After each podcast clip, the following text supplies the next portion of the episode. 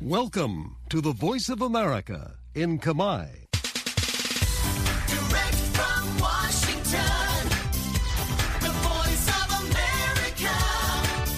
VOA.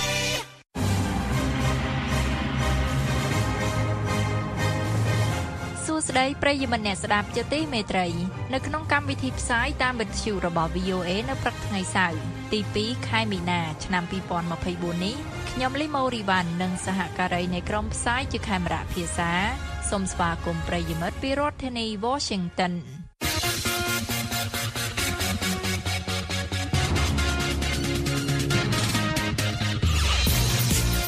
នៅក្នុងការផ្សាយរបស់ VOA នៅវេលាព្រឹកនេះយើងខ្ញុំមានសេចក្តីរាយការណ៍អំពីហេតុអ្វីបានអ្នកបោះឆ្នោតអាមេរិកទំនងជួបការប្រកួតឡើងវិញរវាងលោក Biden និងលោក Trump ប្រជាជាតិដែនកោះ Pacific បញ្ចុះបញ្ចូលសភាឲ្យផ្ដល់ជំនួយដល់ពួកគេអញ្ញាធរហាមអ្នកការពារព្រៃឈើក្នុងខេត្តព្រះវិហារមិនឲ្យផ្ដល់បទសម្ភាសន៍ជាមួយវិទ្យុអាស៊ីសេរី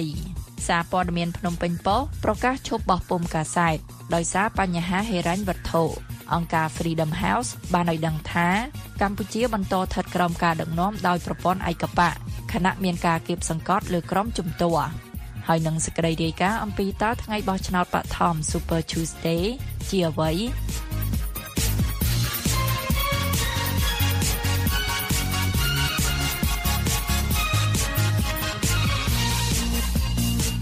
អស់លោកអ្នកនាងកំពុងតែស្ដាប់ការផ្សាយរបស់ VOA ពីរដ្ឋធានី Washington នៅក្នុងឆ្នាំបោះឆ្នោតដែលហុំព័ទ្ធដោយភាពមិនប្រកបប្រជាក៏ប៉ុន្តែមានរឿងមួយដែលច្បាស់ណាស់ នោះគឺអ្នកបោះឆ្នោតអាមេរិកកាំងនឹងយល់ថាការប្រកួតឡើងវិញនៅខែវិច្ឆិការវាងលោកប្រធានាធិបតី Joe Biden និងគូប្រជែងខាងគណៈបកសាធារណរដ្ឋដែលឈានមុខគេ គឺអតីតប្រធានាធិបតីលោក Donald Trump និងគួរឲ្យចាប់អារម្មណ៍ទៅជាងលើកទី1នៅឆ្នាំ2020តើហេតុអ្វីបានជាពួកគេមានជំរើសតែមួយនេះប្រធានការិយាល័យរបស់ VOA ប្រចាំនៅសេតវិមាន អ្នកស្រី Patsy Vidakuswara បញ្យល់អំពីរឿងនេះ លោកម៉ែនកឹមសេងជូនសេចក្តីប្រាយសម្រួលដូចតទៅតើនេះជាឆ្នាំ2020ឬ2024ហេតុអ្វីបានជាយើងឃើញការប្រកួតឡើងវិញ រវាងលោកប្រធានាធិបតី Joe Biden និងលោកអតីតប្រធានាធិបតី Donald Trump ការស្ទង់មតិបង្ហាញថាបេក្ខជនទាំងពីរនាក់មិនល្អទេលោកត្រាំត្រូវបានឡោមព័ទ្ធដោយបញ្ហាផ្លូវច្បាប់វ័យពួកលោកក៏ចាស់ដែរការស្ទង់មតិបង្ហាញថាពលរដ្ឋអាមេរិកកាំងជាច្រើន ព្រួយបារម្ភអំពីអាយុលោក Biden ដែលនឹងមានអាយុ82ឆ្នាំនៅថ្ងៃបោះឆ្នោតបើធៀបនឹងលោកត្រាំដែលនឹងមានអាយុ78ឆ្នាំហេតុអ្វីបានជាមិនមានជំរើសផ្សេងទៀតលោក Clifford Young ប្រធានផ្នែកកិច្ចការសាធារណៈក្រុមហ៊ុនស្រាវជ្រាវ Ipsos នៅសហរដ្ឋអាមេរិកបានថ្លែងតាមរយៈ Skype ថា Trump he is the champion of លោកត្រាំពូកែទួញសោកលោកភ្ជាប់ជាមួយនឹងអ្នកគាំទ្រមូលដ្ឋានលើជ្រុងនោះលោក Biden វិញជាបេក្ខជនតែម្នាក់គត់ដែលគណៈបកប្រជាធិបតេយ្យមើលឃើញថាពិតជាអាចយកឈ្នះលោកត្រាំបេក្ខជនទាំងពីរទទួលផលពីប្រព័ន្ធនយោបាយដែលជួយអ្នកកាន់តំណែងនិងមានឥទ្ធិពលខ្លាំងនៅក្នុងបកលោក Biden បានឈ្នះការបោះឆ្នោតបឋមនៅរដ្ឋ New Hampshire ទោះបីជាលោកមិនមានឈ្មោះលើសញ្ញាឆ្នោតក៏ដោយហើយលោកត្រាំ ទទួលផលពីការបោះឆ្នោតបឋមដែលតាទីងអ្នកបោះឆ្នោតដែលមានមនោគមវិជ្ជាឃ្លាវខ្លាដែលនាំឲ្យមានការគ្រប់គ្រងដ៏លើសលប់នៅមូលដ្ឋាន លោក Thomas Watch ប្រវត្តិវិទូប្រធានាធិបតីប្រចាំសាកលវិទ្យាល័យ Vanderbilt បានថ្លែងតាមរយៈ Skype ថា in the general election and in the ក្នុងការបោះឆ្នោតសកលនិងក្នុងគណៈបកលោកត្រាំមិនត្រូវបានទទួលយកច្រើនលើសលប់ដោយអ្នកបោះឆ្នោតបឋមទេប៉ុន្តែប្រព័ន្ធនេះនឹងនាំទៅដល់ការតែងតាំងបេក្ខជនលោកជាថ្មីអ្នកដែលស្មោះត្រង់នឹងលោក Biden មើលឃើញថាលោកជាអ្នកកាន់អំណាចដ៏ជោគជ័យធានាបានជ័យជំនះផ្នែកនីតិបញ្ញត្តិដឹកនាំការឆ្លើយតបលោកខាងលិចចំពោះការឈ្លានពានរបស់រុស្ស៊ីលើអ៊ុយក្រែននិងដឹកនាំសេដ្ឋកិច្ចបានធូរស្រាលផុតពីការភ័យខ្លាចវិបត្តិ អ្នកស្រី Corinne Grace Freeman អ្នកយុទ្ធសាស្ត្រគណៈបកប្រជាធិបតេយ្យបានថ្លែងតាមរយៈ Skype ថា what I'm hearing is we are អ្វីដែលខ្ញុំឮគឺយើងនឹងជ្រើសរើសយកលោក Biden ប៉ុន្តែអ្នកស្រី Freeman បាននិយាយថាលោក Biden មិនមានការគ្រប់គ្រងដែលមិនផ្លាស់ប្ដូរពីមូលដ្ឋានដោយលោក Trump នោះទេដោយក្រុមខាងចម្រើននិយមខកចិត្តនិងអសមត្ថភាពរបស់លោក Biden ក្នុងការលុបចោលបំណុលកម្ចីនិស្សិតទាំងស្រុងនិងដំណោះស្រាយសង្គ្រាមអ៊ីស្រាអែលហាម៉ាស់ there are many people who are like I cannot support this president មានមនុស្សជាច្រើនដែលមិនអាចគ្រប់គ្រងលោកប្រធានាធិបតីនិងមិនចូលចិត្តលោក Donald Trump ដែរពួកគេមានអារម្មណ៍ថាបកប្រជាធិបតេយ្យធ្វើឲ្យគេខកចិត្តលោក Trump និងលោក Biden ក៏ទទួលផលពីប្រព័ន្ធបោះឆ្នោតបឋមដែលការជ្រើសរើសបេក្ខជនត្រូវបានកំណត់ច្បាស់ជាមុនដោយសារតែការផ្លាស់ប្ដូរច្បាប់តាមរដ្ឋលោក Jeffrey Covan សាស្ត្រាចារ្យនៅសាកលវិទ្យាល័យ Southern California បានថ្លែងតាមរយៈ Zoom ថា The party primary election ឥឡូវនេះការបរិច្ឆេទបោះឆ្នោតបឋមរបស់គណៈបកត្រូវបានផ្លាស់ប្ដូរទៅចំណុចដែលភាគច្រើននឹងប្រព្រឹត្តទៅមុនថ្ងៃទី5ខែមិនិនាការនេះមានន័យថាទោះបីជានៅសល់រយៈពេល8ខែទៀតមុនការបោះឆ្នោតក៏ដោយវានឹងពិបាកសម្រាប់បេក្ខជនផ្សេងក្នុងការចាប់ផ្ដើមយុទ្ធនាការប្រឆាំងនឹងលោក Biden ឬលោក Trump ដូច្នេះលុះត្រាតែបេក្ខជនណាម្នាក់ដកខ្លួនចេញ ហើយគណៈបកប្រវេប្រវាតែងតាំងអ្នកជំនួសក្នុងអំឡុងពេលមហាសន្និបាតនោះគឺអ្នកបោះឆ្នោតអាមេរិកាំងគ្មានជំរឿអ្វីក្រៅពីលោកទាំងពីរនេះទេពីរដ្ឋធានី Washington ខ្ញុំម៉ែនគឹមសេង VOA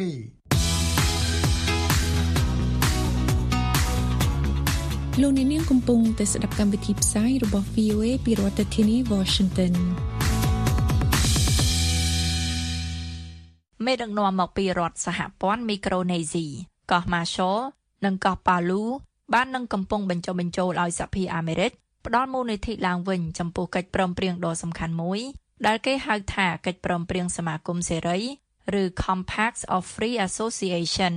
កិច្ចព្រមព្រៀងរយៈពេល20ឆ្នាំដែលមានទឹកប្រាក់7000លានដុល្លារនេះធានាឲ្យសហរដ្ឋអាមេរិកមានសិទ្ធិផ្ដាច់មុខចូលទៅក្នុងសម្ព័ន្ធមិត្តសំខាន់ទាំង3នៅប៉ាស៊ីហ្វិក និងសិទ្ធិបដិសេធមិនឲ្យអ្នកដទៃចូលក្នុងប្រទេសទាំងនោះជាថ្នូរនឹងជំនួយសេដ្ឋកិច្ចដ៏សំខាន់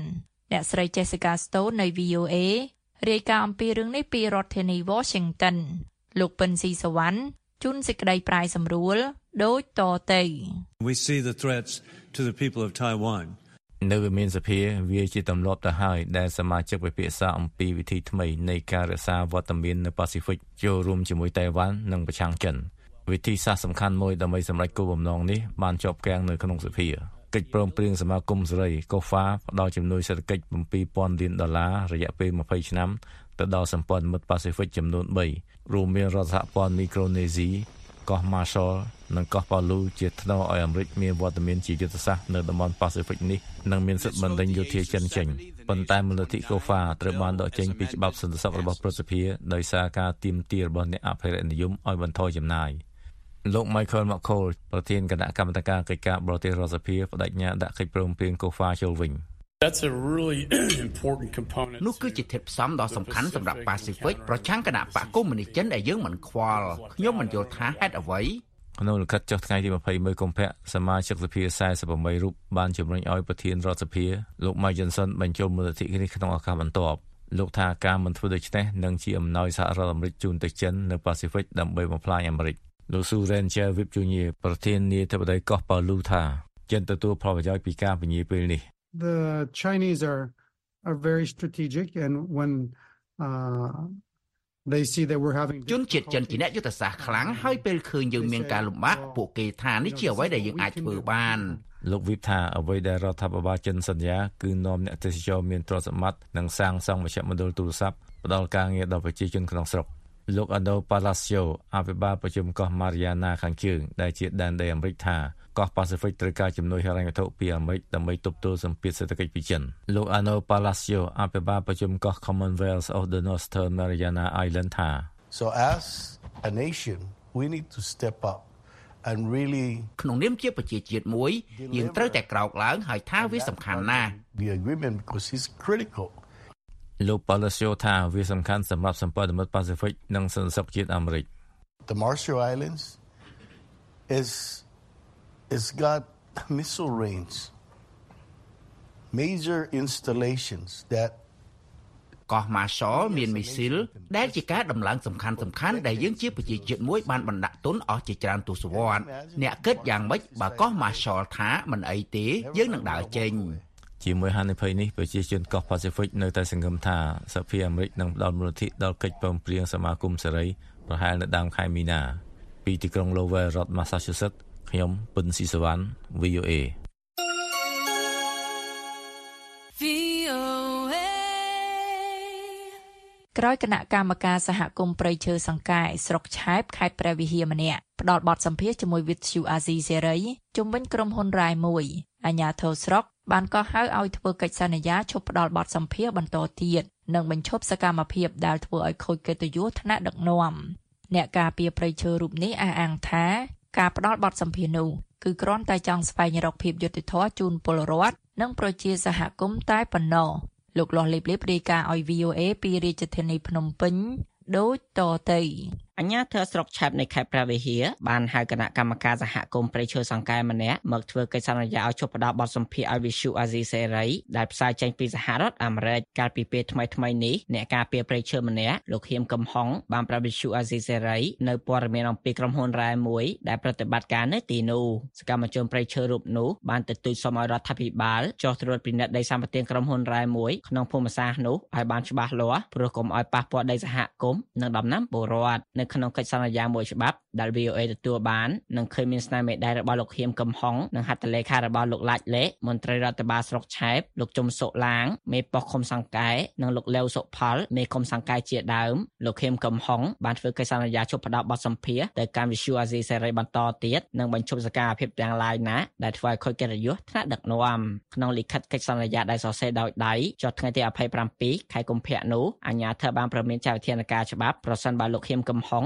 មិនគោរពតាមកិច្ចសន្យានោះលោកហៀមកំហុងអាយុ38ឆ្នាំជាគណៈកម្មការសហគមន៍ព្រៃឈើសង្កែក្នុងស្រុកឆែបខេត្តព្រះវិហារដែលបានបំពេញការងារសហគមន៍តាំងពីឆ្នាំ2017ប្រាប់ VOA នៅថ្ងៃសុក្រនេះថារដ្ឋបាលស្រុកនិងអាជ្ញាធរ បានឲ្យលោកធ្វើកិច្ចសន្យាឈប់ផ្ដល់បទសម្ភាសជាមួយវិសុអាស៊ីសេរីបន្តទៀតដែលអាជ្ញាធរថាទីតាំងក្រុមហ៊ុនរ៉ែឈ្មោះក្រុមហ៊ុន Global Green ដែលកំពុងមានបញ្ហាជាមួយពលរដ្ឋគឺមិនស្ថិតក្នុងសហគមន៍ប្រៃឈើសង្កែនោះទេលោកបន្ថែមថាអាជ្ញាធរក៏ប្រាប់លោកកុំធ្វើឲ្យប៉ះពាល់កិត្តិយសថ្នាក់ដឹកនាំនិងការដាក់ទណ្ឌនីយខុសដែលលោកមិនមែនជាតំណាងសហគមន៍ប្រៃឈើស្រុកឆែបខេត្តព្រះវិហារឡើយ បាទតាមលោកហៀមកំហុងការផ្ដល់បទសម្ភាសន៍របស់លោកជាមួយវិសុអាស៊ីសេរីគឺលោកគ្រាន់តែទទូចសូមរដ្ឋាភិបាលជួយត្រួតពិនិត្យមើលទីតាំងដីសម្បត្តិរ៉ែរបស់ក្រុមហ៊ុន Global Green ដើម្បីកុំឲ្យប៉ះពាល់សហគមន៍និងប្រជាពលរដ្ឋគេថាយើងគឺ ឲ្យខូចប៉ះពាល់ឡើងកិត្តិយសថ្នាក់ដឹកនាំយើងចង់ឲ្យថ្នាក់ដឹកនាំចុះមកត្រួតពិនិត្យមើលកន្លែងទីតាំងដែលសម្បត្តិរ៉ែហ្នឹងតើវាសម្បត្តិហ្នឹងវាដីព្រៃឬក៏ជាដីព្រៃវិទុលឬក៏ជាដីព្រៃយើងការជាប្រវត្តិអញ្ចឹងណាលោកហៀមកំហុងបន្ថែមថាកិច្ចសន្យានេះធ្វើឲ្យលោកមានការព្រួយបារម្ភដែលហាក់បង្ហាញថាសិទ្ធិសេរីភាពរងការរឹតបន្តឹងបើទោះបីជាអាជ្ញាធរមិនបានសរសេរឬបញ្ជាក់ក្តីវាមិនមែនជាសកម្មភាពឬក៏ថាការគម្រាមកំហែងទេប៉ុន្តែក្នុងសកម្មភាពវាស្ថិតនៅក្នុងការគម្រាមកំហែងបិទសិទ្ធិសេរីភាពរបស់ខ្ញុំមែនលោកជុំសុឡាងមេប៉ុស្តិ៍ឃុំសង្កែស្រុកឆែបខេត្តព្រះវិហារបដិសេធសមបញ្ជាក់ជំវិញកិច្ចសន្យានេះដោយឲ្យអ្នកសារព័ត៌មាន VOA តាក់ទងទៅសួរនាំរដ្ឋបាលស្រុកជំនួសវិញប៉ុន្តែលោកបញ្ជាក់ប្រាប់ VOA បន្តិចថាកិច្ចសន្យានោះពាក់ព័ន្ធនឹងលោកហៀមកំហុងផ្ដល់សម្ភារជំវិញក្រុមហ៊ុនរ៉ែឈូសឆាយទៅលើដីសហគមន៍ឬប៉ះពាល់ដីប្រជាពលរដ្ឋគេហៅមកដោះស្រាយហៅមកអប់រំណែនាំទៅកិច្ចសន្យានោះគឺ ខាងរដ្ឋបាលស្រុកនិងខាងជំនាញរដ្ឋបាលវិជើហ្នឹងក៏បានហៅមកថាលោកហ៊ានកំហុងនោះបានសម្ភាសពាក់ព័ន្ធនឹងរឿងហេតុករណីក្រុមហ៊ុនរ៉ែបានឈូសឆាយទៅលើដីសហគមន៍ដីជាប៉ះពាល់នឹងជាពលរដ្ឋណា បាទហ្នឹងហើយតែមិនដឹងថាខាងនោះគេថាខុសឬយ៉ាងណាខ្ញុំក៏ទៅដឹងដែរថាអានោះជារឿងរបស់ជំនាញគេហើយនឹងរដ្ឋបាលស្រុកណាបងលោកឡងសុបិនអភិបាលស្រុកឆែបខេត្តព្រះវិហារប្រាប់ VOA នៅថ្ងៃសុក្រនេះថាលោកមិនបានដឹងរឿងកិច្ចសន្យានេះបែបណានោះទេខ្ញុំអត់ដឹងទេសុំសុំទោសណាអាចមកជួបខ្ញុំមក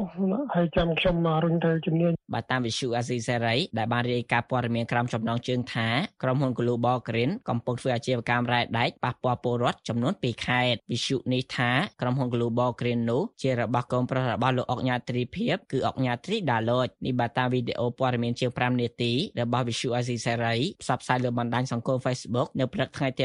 27ខែកុម្ភៈដោយឃើញលោកខៀមកំហុងនិងពលរដ្ឋមួយចំនួនបានផ្ដល់បទសម្ភាសន៍នេះពេលនោះវិសុអាស៊ីសេរីបានដាក់ទស្សនវិជ្ជារបស់លោកខៀមកំហុងថាជាតំណាងសហគមន៍នៅស្រុកឆែបខេត្តព្រះវិហារលោកខៀមកំហុងប្រាប់ VOA ថាលោកមិនមែនជាតំណាងសហគមន៍នៅស្រុកឆែបខេត្តព្រះវិហារនោះទេដោយលោកមានទស្សនវិជ្ជាត្រឹមជាគណៈកម្មការសហគមន៍ប្រៃឈើសង្កែស្រុកឆែបខេត្តព្រះវិហារហើយការផ្ដល់ព័ត៌មាននានាគឺគ្រាន់តែចង់ស្វែងរកភាពយុត្តិធម៌ជូនពលរដ្ឋនិងប្រជាសហគមន៍តែប៉ុណ្ណោះរាយការណ៍ពីរាជធានីភ្នំពេញខ្ញុំលាស់លេបលេប VOA លោកអ្នកនាងកំពុងតែស្ដាប់កម្មវិធីផ្សាយជាខេមរៈភាសានៃ VOA ប្រភពព័ត៌មានជាទីទុកចិត្តតាំងពីឆ្នាំ1955 បន្ទាប់ពីដំណើរការអស់រយៈពេលជាង30ឆ្នាំកាសែតភ្នំពេញ Post បានប្រកាសបញ្ឈប់ការបោះពុម្ពផ្សាយជាកាសែតទាំងភាសាខ្មែរនិងអង់គ្លេសត្រឹមចុងខែមីនានេះដោយសារតែបញ្ហាហិរញ្ញវត្ថុក៏ប៉ុន្តែសារព័ត៌មានភ្នំពេញ Post នៅតែបន្តការផ្សាយរបស់ខ្លួនលើប្រព័ន្ធអនឡាញ លោកសឹមច័ន្ទសំណាងរាយការណ៍ឲ្យ VOA ពីរាជធានីភ្នំពេញដូចតទៅកាសែតភ្នំពេញប៉ុស្តិ៍ដែលជាកាសែតវ័យចំណាស់មួយក្នុងប្រទេសកម្ពុជាបានប្រកាសបញ្ឈប់ការបោះពុម្ពផ្សាយជាកាសែតរបស់ខ្លួនទាំងភាសាខ្មែរនិងអង់គ្លេសត្រឹមថ្ងៃទី29ខែមីនាឆ្នាំ2024ក្រោមហេតុផលបញ្ហាហិរញ្ញវត្ថុនិងការវិវត្តឆាប់រហ័សនៃបច្ចេកវិទ្យា នេះបើតាមសេចក្តីជូនដំណឹងរបស់កាសែតភ្នំពេញប៉ុស្តិ៍ចេញផ្សាយនាថ្ងៃទី1ខែមីនាឆ្នាំ2024កាសែតភ្នំពេញប៉ុស្តិ៍ដែលបានប្រតិបត្តិការអស់រយៈពេល30ឆ្នាំបញ្ជាក់ក្នុងសេចក្តីជូនដំណឹងថា តាំងពីមានវិបត្តិ COVID-19 និងស្ថានភាពសេដ្ឋកិច្ចជាតិថមថយក្រោយ COVID-19 ការផ្សាយពាណិជ្ជកម្មដែលជាចំណូលចម្បងរបស់កាសែតភ្នំពេញប៉ុស្តិ៍បានបន្តធ្លាក់ចុះយ៉ាងខ្លាំងម្យ៉ាងទៀតការវិវត្តយ៉ាងឆាប់រហ័សនៃប្រព័ន្ធបច្ចេកវិទ្យានិងការផ្សព្វផ្សាយព័ត៌មានតាមបណ្ដាញសង្គមបានធ្វើឲ្យក្រុមហ៊ុនប្រឈមនឹងបញ្ហាហិរញ្ញវត្ថុយ៉ាងធ្ងន់ធ្ងរសេចក្តីជូនដំណឹងដដែលបន្តថា ម្ចាស់ភាគហ៊ុនរបស់កាសែតភ្នំពេញប៉ុស្តិ៍បានព្យាយាមបណ្ដាក់ទុនបន្ថែមដើម្បីស្ដារស្ថានភាពនិងបង្កើនប្រាក់ចំណូលសម្រាប់ទ្រទ្រង់ដំណើរការក្រុមហ៊ុននិងបន្តការបោះពុម្ពកាសែតភ្នំពេញប៉ុស្តិ៍ប៉ុន្តែនៅតែមិនអាចទ្រទ្រង់ការខាតបង់បន្តទៀតបាន កាសែតភ្នំពេញប៉ុស្តិ៍សម្រេចបញ្ឈប់ការបោះពុម្ពផ្សាយកាសែតទាំងភាសាខ្មែរនិងភាសាអង់គ្លេសត្រឹមថ្ងៃទី29ខែមីនាឆ្នាំ2024នេះបើតាមសេចក្តីជូនដំណឹងចាងវាងកាសែតភ្នំពេញប៉ុស្តិ៍លោកលីតៃសេងប្រាប់ VOA នៅថ្ងៃសុក្រនេះថាបើទោះកាសែតភ្នំពេញប៉ុស្តិ៍បញ្ឈប់ការបោះពុម្ពផ្សាយជាកាសែតរបស់ខ្លួនប៉ុន្តែសារព័ត៌មាននៅតែបន្តដំណើរការលើប្រព័ន្ធអនឡាញជាធម្មតាលោកបន្តថាកាសែតភ្នំពេញប៉ុស្តិ៍នឹងបញ្ឈប់បុគ្គលិកផ្នែកបោះពុម្ពកាសែតតែប៉ុណ្ណោះ ចំពោះបុគ្គលិកគឺយើងនឹងបញ្ឈប់បុគ្គលិកដែលធ្វើការពាក់ព័ន្ធនឹងការបោះពុម្ពប៉ុន្តែអ្នកដែលត្រូវធ្វើការតាក់ទងរឿងអនឡាញអ្នកយកសារព័ត៌មានធ្វើទៅសេព័ត៌មានអីហ្នឹងគឺនៅរក្សាធម្មតាដដែលកាសែតភ្នំពេញប៉ុស្តិ៍បានផ្លាស់ប្តូរម្ចាស់ភាគហ៊ុនជាបន្តបន្ទាប់កាសែតមួយនេះរងការរិះគន់ចាប់តាំងពីឆ្នាំ2018ថាបានផ្លាស់ប្តូរការយកព័ត៌មានរបស់ខ្លួនមិនដោយកាសែតភ្នំពេញប៉ុស្តិ៍កាលពីមុនដែលធ្វើសេចក្តីរាយការណ៍ព័ត៌មានមិនស្ថិតក្រោមឥទ្ធិពលរបស់អ្នកណា កាសែតភ្នំពេញប៉ុស្តិ៍ត្រូវបានបង្កើតឡើងក្នុងឆ្នាំ1992ដោយលោក Michael Hess ជាជនជាតិអាមេរិកក្នុងគោលបំណងផ្តល់ព័ត៌មានឯករាជ្យនិងមិនលំអៀងបន្ទាប់មកក្នុងឆ្នាំ2008 កាសែតភ្នំពេញប៉ុស្តិ៍ត្រូវបានទិញដោយជនជាតិអូស្ត្រាលីលោក Ross Dunkley និងបានផ្សាយចេញជាភាសាខ្មែរក្នុងឆ្នាំ2009ក្នុងឆ្នាំ2018កាសែតមួយនេះត្រូវបានរាយការណ៍ថាទិញដោយពាណិជ្ជករម៉ាឡេស៊ីម្នាក់ដែលមានទំនាក់ទំនងជាមួយរដ្ឋាភិបាលកម្ពុជាចាប់តាំងពីពេលនោះមកគេមិនដឹងច្បាស់ឡើយថាតើកាសែតភ្នំពេញប៉ុស្តិ៍មានម្ចាស់ភាគហ៊ុនជាអ្នកណានាយកប្រតិបត្តិនៃសមាគមសម្ព័ន្ធអ្នកសារព័ត៌មានកម្ពុជាឬហៅកាត់ថា Cambodia លោកណូវីបង្ហាញពីការសោកស្ដាយចំពោះការបញ្ឈប់ការបោះពុម្ពផ្សាយកាសែតរបស់សារព័ត៌មានភ្នំពេញប៉ុស្តិ៍លោកបន្ថែមថាមួយរយៈក្រោយនេះមានកាសែតល្បីឈ្មោះមួយចំនួនបានសម្រេចចិត្តបញ្ចប់និងផ្អាកការផ្សាយរបស់ខ្លួនដែលអាចជាឥទ្ធិពលមួយចំនួនដល់ការទទួលបានព័ត៌មានរបស់ប្រជាពលរដ្ឋ ការប៉ັດហើយការបិទបញ្ចប់ការផ្សព្វផ្សាយរបស់កាសែតភ្នំពេញប៉ុស្តិ៍ហ្នឹងវាជារួមវាប្រកាសជាមានផលប៉ះពាល់ហើយដល់ទី1គឺការទទួលបានព័ត៌មានរបស់ប្រជាពលរដ្ឋទី2ដល់អ្នកសារព័ត៌មានដែលបំពេញការងារនៅទីកន្លែងនេះចឹងពួកគាត់ប្រឈមមុខជាមួយនឹងការបាត់បង់ការងារបាទហើយបើនិយាយអំពីរឿងការផ្ដល់ព័ត៌មានទោះក្នុងកម្រិតណាក៏ដោយគឺប្រជាពលរដ្ឋគាត់ត្រូវបាត់បង់ជំរឿននៅក្នុងការទទួលបានព័ត៌មានមួយបន្ថែមទៀតបាទ កាលពីចុងឆ្នាំ2023កាសែតរស្មីកម្ពុជាដែលមានអាយុកាលជាង30ឆ្នាំមកហើយក៏ត្រូវបានបិទទាំងស្រុងក្រុមហេតុផលថាក្រុមប្រឹក្សាភិបាលក្រុមហ៊ុនប្រកាសថាមិនមានចំណូលគ្រប់គ្រាន់សម្រាប់បុគ្គលិកការបញ្ចប់វត្តមានកាសែតរស្មីកម្ពុជាក្រោយកាសែតមួយនេះបានសម្រេចចិត្តបិទការបោះពុម្ពផ្សាយរបស់ខ្លួនកាលពីខែតុលាឆ្នាំ2020ដោយសារតែបញ្ហាវិបត្តិហិរញ្ញវត្ថុរីកាប្រជាធានីភ្នំពេញខ្ញុំសំច័ន្ទសំណាង VOA ពីរដ្ឋធានី Washington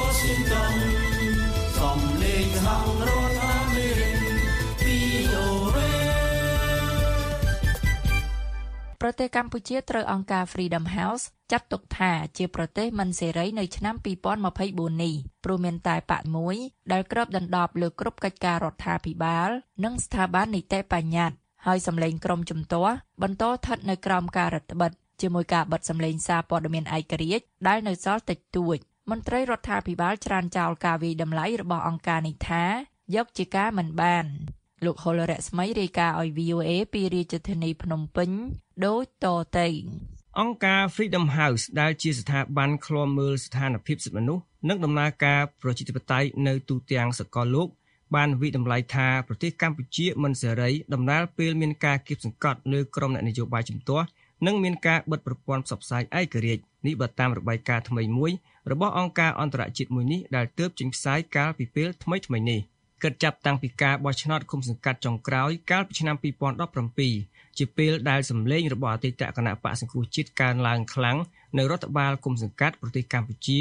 ត្រូវអ្នកសង្កេតការសិទ្ធិមនុស្សមើលឃើញថាបានធ្លាក់ទៅក្នុងការគ្រប់គ្រងដែលសម្លេងរបស់អ្នកនយោបាយជំទាស់ឬអ្នករិះគន់រដ្ឋាភិបាលត្រូវបានរដ្ឋបិទរបាយការណ៍សេរីភាពសកលរបស់អង្គការ Freedom House សម្រាប់ឆ្នាំ2024នេះបានបង្ហាញថា ប្រទេសកម្ពុជាគឺពិតជារដ្ឋដែលស្ថិតក្រោមការដឹកនាំដោយគណៈបកតែមួយដោយរដ្ឋាភិបាលបានរៀបរៀងក្រុមអ្នកជំទាស់សំខាន់សំខាន់និងបើកផ្លូវឲ្យមានការបិទសម្លេងសារព័ត៌មានឯករាជ្យដែលនៅសល់តិចតួចរបាយការណ៍ក៏ចំណាំទៀតថា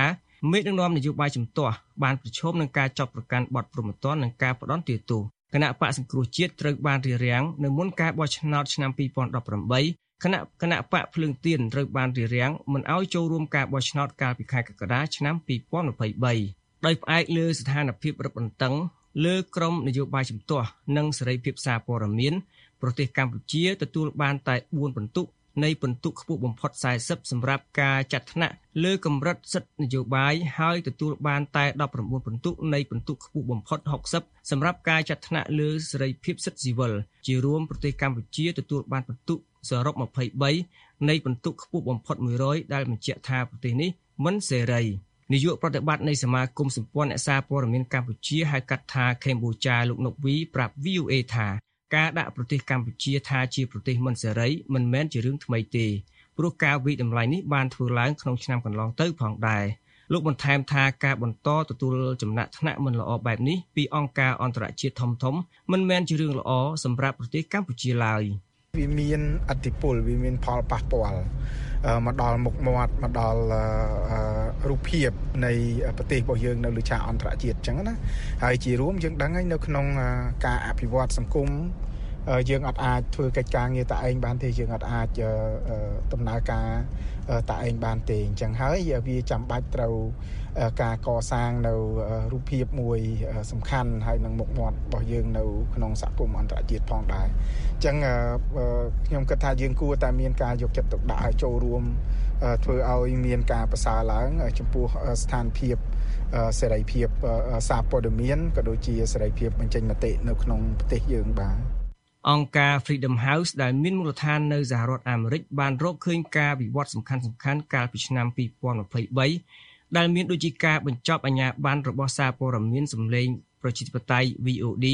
ការបោះឆ្នោតដែលគ្មានការប្រកួតប្រជែងកាលពីខែកក្កដាឆ្នាំ2023ដែលនាំឲ្យបកប្រជាជនកម្ពុជាឈ្នះអាសនៈស្ទើរតែទាំងអស់នៅសភាជាតិនៅពេលគណៈបកជំទាស់ភ្លើងទៀនត្រូវបានរៀបរៀងមិនឲ្យចូលរួមចូលឈ្មោះបោះឆ្នោត បន្ថែមលើនោះលោកហ៊ុនម៉ាណែតបានស្នងតំណែងពីឪពុករបស់គាត់ជានាយករដ្ឋមន្ត្រី កាលពីខែសីហាឆ្នាំមុនគណៈរដ្ឋមន្ត្រីថ្មីដែលបានបង្កើតឡើងគឺជាកូនចៅរបស់រដ្ឋមន្ត្រីដែលចាក់ចេញពីតំណែងនិងធ្លាប់ស្ថិតក្នុងរដ្ឋាភិបាលរបស់លោកហ៊ុនសែននេះបើតាមរបាយការណ៍របស់អង្គការ Freedom House របាយការណ៍របស់អង្គការនេះបានសរសេរថារដ្ឋាភិបាលដែលដឹកនាំដោយគណៈបកប្រជាជនកម្ពុជា បានរក្សាការគៀបសង្កត់លើអ្នកជំទាស់ អង្គភាពសារព័ត៌មានឯករាជ្យនិងអ្នកចេញតវ៉ាជាមួយនឹងការគំរាមកំហែងឬការចោទប្រកាន់ដែលជាប់ហេតុផលនយោបាយឬជាមួយនឹងអំពើហិង្សារបាយការណ៍បន្ថែមថាលោកហ៊ុនម៉ាណែតបានស្នងតំណែងពីឪពុកគឺលោកហ៊ុនសែនជានាយករដ្ឋមន្ត្រីនៅឆ្នាំ2023បើទោះបីអតីតនាយករដ្ឋមន្ត្រីនៅបន្តមានឥទ្ធិពលដ៏គួរឲ្យកត់សម្គាល់យ៉ាងណាអ្នកនាំពាក្យរដ្ឋាភិបាលលោកប៉ែនប៊ុនណាយល់ថាការចាត់ចំណាត់ថ្នាក់ របស់អង្គការ Freedom House ជាការវិតម្លៃដែលយកជាការមិនបានព្រោះកម្ពុជាជាប្រទេសបើកទូលាយឲ្យមានគណៈបកចម្រុះនិងអាចចូលរួមចូលឈ្មោះបោះឆ្នោតទី1អ្នកសរសេររបាយការណ៍ហ្នឹងគាត់អត់ចេះរាប់លេខនៅត្រង់ថាការបោះឆ្នោតជ្រើសតាំងតំណាងរាស្ត្រកាលពីខែកក្កដាឆ្នាំ2023មានគណៈបកនយោបាយ18បានចូលរួមប្រគល់ប្រជែងក្នុងនោះ មានគណៈបកនយោបាយ2បានជាប់ឆ្នោតនៅក្នុងរដ្ឋសភាចំណែកការបោះឆ្នោតជ្រើសតាំងសមាជិកព្រឹទ្ធសភាកាលពីថ្ងៃ25កុម្ភៈកន្លងទៅមានគណៈបកនយោបាយ4បានចូលរួមប្រកួតប្រជែងនិងមានគណៈបក2បានជាប់ឆ្នោតតើអង្គការនេះគាត់ចេះរាប់លេខទេបានជាហៅប្រទេសកម្ពុជាថាជាប្រទេសដែលដឹកនាំដោយឯកបកដោយសារតែគាត់រាប់លេខខុសនឹងហើយដែលធ្វើឲ្យរបាយការណ៍របស់គាត់នឹងអស់តម្លៃ លោកបន្ថែមថានៅលើលោកនេះគ្មានប្រទេសណាមួយដែលផ្ដល់អភ័យឯកសិទ្ធិដល់អ្នកបើកគណៈបកនយោបាយឬអង្គភាពព័ត៌មានឲ្យរួចខ្លួនពីការទទួលខុសត្រូវចំពោះមុខច្បាប់នោះទេនិងថាប្រទេសកម្ពុជាជាប្រទេសដែលដើរតាមគោលការណ៍ប្រជាធិបតេយ្យសេរីពហុបកយ៉ាងខ្ជាប់ខ្ជួនហើយគោលការណ៍នេះបានកំពុងតែចាក់ឫសជ្រៅទៅជ្រៅទៅនៅក្នុងសង្គមកម្ពុជា និងបានផ្ដល់ផលប្រយោជន៍ជាច្រើនដល់ប្រជាពលរដ្ឋ ក៏ប៉ុន្តែនាយកទូតអង្គការការពារសិទ្ធិមនុស្សលីកាដូលោកអំសំអាតយល់ថារបាយការណ៍របស់អង្គការ Freedom House លើកនេះមិនខុសគ្នាខ្លាំងពីរបាយការណ៍មុនមុនហើយក៏ស្រដៀងគ្នានឹងរបាយការណ៍របស់អង្គការសិទ្ធិមនុស្សអន្តរជាតិផ្សេងទៀតដែលបានបន្តលើកឡើងម្ដងហើយម្ដងទៀតថាលំហប្រជាធិបតេយ្យស្ថានភាពនៃការគោរពសិទ្ធិមនុស្សនៅកម្ពុជានៅមានកម្រិតដែលតម្រូវឲ្យរដ្ឋាភិបាលត្រូវខិតខំថែមទៀត ក្នុងការស្ដារឲ្យមានវឌ្ឍនភាពនៃប្រជាធិបតេយ្យនិងការគោរពសិទ្ធិមនុស្សនៅក្នុងប្រទេសដើម្បីជំរុញការអភិវឌ្ឍប្រទេសកាលពីឆ្នាំ2023អង្គការ Freedom House ក៏បានវិតម្លៃដែរថាកម្ពុជាជាប្រទេសមិនសេរីដោយទទួលបាន24ពិន្ទុលើ100ពិន្ទុដោយសារតែដំណើរការមិនទៅមុខនៃប្រព័ន្ធប្រជាធិបតេយ្យសេរីនៅក្នុងប្រទេសរាយការណ៍ពីរាជធានីភ្នំពេញខ្ញុំហុលរស្មី VOA នៅឆ្នាំបោះឆ្នោតប្រធានាធិបតីសហរដ្ឋអាមេរិកថ្ងៃអង្គារទី5ខែមីនាគឺជាថ្ងៃដែលចំនួនរដ្ឋអាមេរិកច្រើនជាងថ្ងៃណាណាទាំងអស់រៀបចំការបោះឆ្នោតបឋមហើយថ្ងៃមួយនេះត្រូវបានគេហៅថាថ្ងៃបោះឆ្នោតបឋម Super Tuesday VOA បានផលិតក្រាហ្វិកពន្យល់អំពីថ្ងៃបោះឆ្នោតបឋមដ៏សំខាន់របស់សហរដ្ឋអាមេរិកមួយនេះលោកចាប់ចត្រាជូនសេចក្តីប្រាយសម្រួល រដ្ឋអាមេរិកជាច្រើនទៀតនឹងរៀបចំការបោះឆ្នោតបឋមនៅថ្ងៃអង្គារទី5មិនិនាដែលមានចំនួនរដ្ឋច្រើនជាងថ្ងៃណានាទាំងអស់ក្នុងការបោះឆ្នោតលើកនេះដូច្នេះហើយបានជាថ្ងៃនេះត្រូវបានគេហៅថាថ្ងៃបោះឆ្នោតបឋម Super Tuesday រដ្ឋចំនួន15និងដែនដីមួយនឹងបោះឆ្នោតនៅថ្ងៃ Super Tuesday ក្នុងឆ្នាំនេះក្នុងរដ្ឋ Iowa លទ្ធផលនៃការបោះឆ្នោតបឋមរបស់គណៈបកប្រជាធិបតេយ្យនឹងត្រូវបានប្រកាសបេក្ខជននឹងត្រូវការតំណាងរាស្ត្រចំនួន1420នាក់ ដែលស្មើនឹង36%នៃតំណាងរាស្ត្រទាំងអស់ដើម្បីឈ្នះជាបេក្ខជនប្រធានាធិបតីនៃគណៈបកប្រជាធិបតេយ្យហើយបេក្ខជននឹងត្រូវការតំណាងរាស្ត្រចំនួន1215នាក់ដែលស្មើនឹង50%នៃតំណាងរាស្ត្រទាំងអស់ដើម្បីឈ្នះជាបេក្ខជនប្រធានាធិបតីនៃគណៈបកសាធារណរដ្ឋពាក្យ Super Tuesday ត្រូវបានចាប់ផ្ដើមប្រើតាំងពីឆ្នាំ1976មកលោក Bill Clinton ទទួលបានសម្លេងឆ្នោតច្រើននៅក្នុងព្រឹត្តិការណ៍ Super Tuesday កាលពីឆ្នាំ1992 ពេលលោកកំពុងឈរឈ្មោះជាប្រធានាធិបតីពេលនោះក្នុងឆ្នាំ2000បេក្ខជនប្រធានាធិបតីពីគណៈបកប្រជាធិបតេយ្យលោក Al Gore និងពីគណៈបកសាធារណរដ្ឋលោក George W Bush បានឈ្នះការឈរឈ្មោះតាមបករបស់ខ្លួននៅក្នុងព្រឹត្តិការណ៍ Super Tuesday ក្នុងឆ្នាំ2016លោក Donald Trump ពីគណៈបកសាធារណរដ្ឋបានឈ្នះការប្រកួតក្នុងព្រឹត្តិការណ៍ Super Tuesday ក្នុងរដ្ឋចំនួន7ក្នុងចំណោម10រដ្ឋបេក្ខជនដែលឈ្នះក្នុងព្រឹត្តិការណ៍ Super Tuesday ហើយបានឈ្នះការតែងតាំងជាបេក្ខជនតំណាងបករបស់ខ្លួនមានដូចជា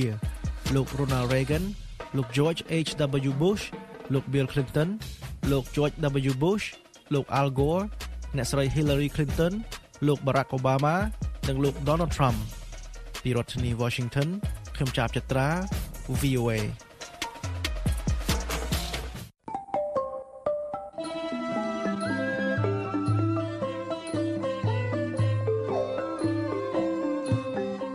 ផ្សាយរបស់ VOA នៅវេលាព្រឹកនេះចប់តែត្រឹមណេះក៏ប៉ុន្តែលោកអ្នកនាងនៅអាចស្ដាប់ឬអានព័ត៌មានរបស់ VOA ឡើងវិញបានតាមរយៈគេហទំព័ររបស់យើងដែលមានអាសយដ្ឋានខ្មែរ .voanews.com ហើយនៅវេលាយប់នេះសូមលោកអ្នកនាងរងចាំស្ដាប់ការផ្សាយបន្តផ្ទាល់របស់ VOA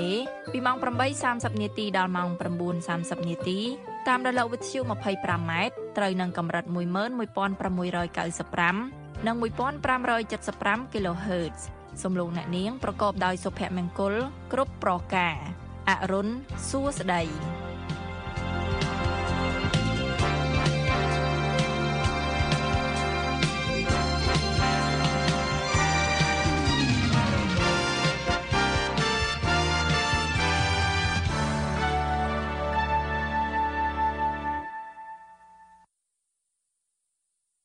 This program has come to you from the Voice of America, Washington.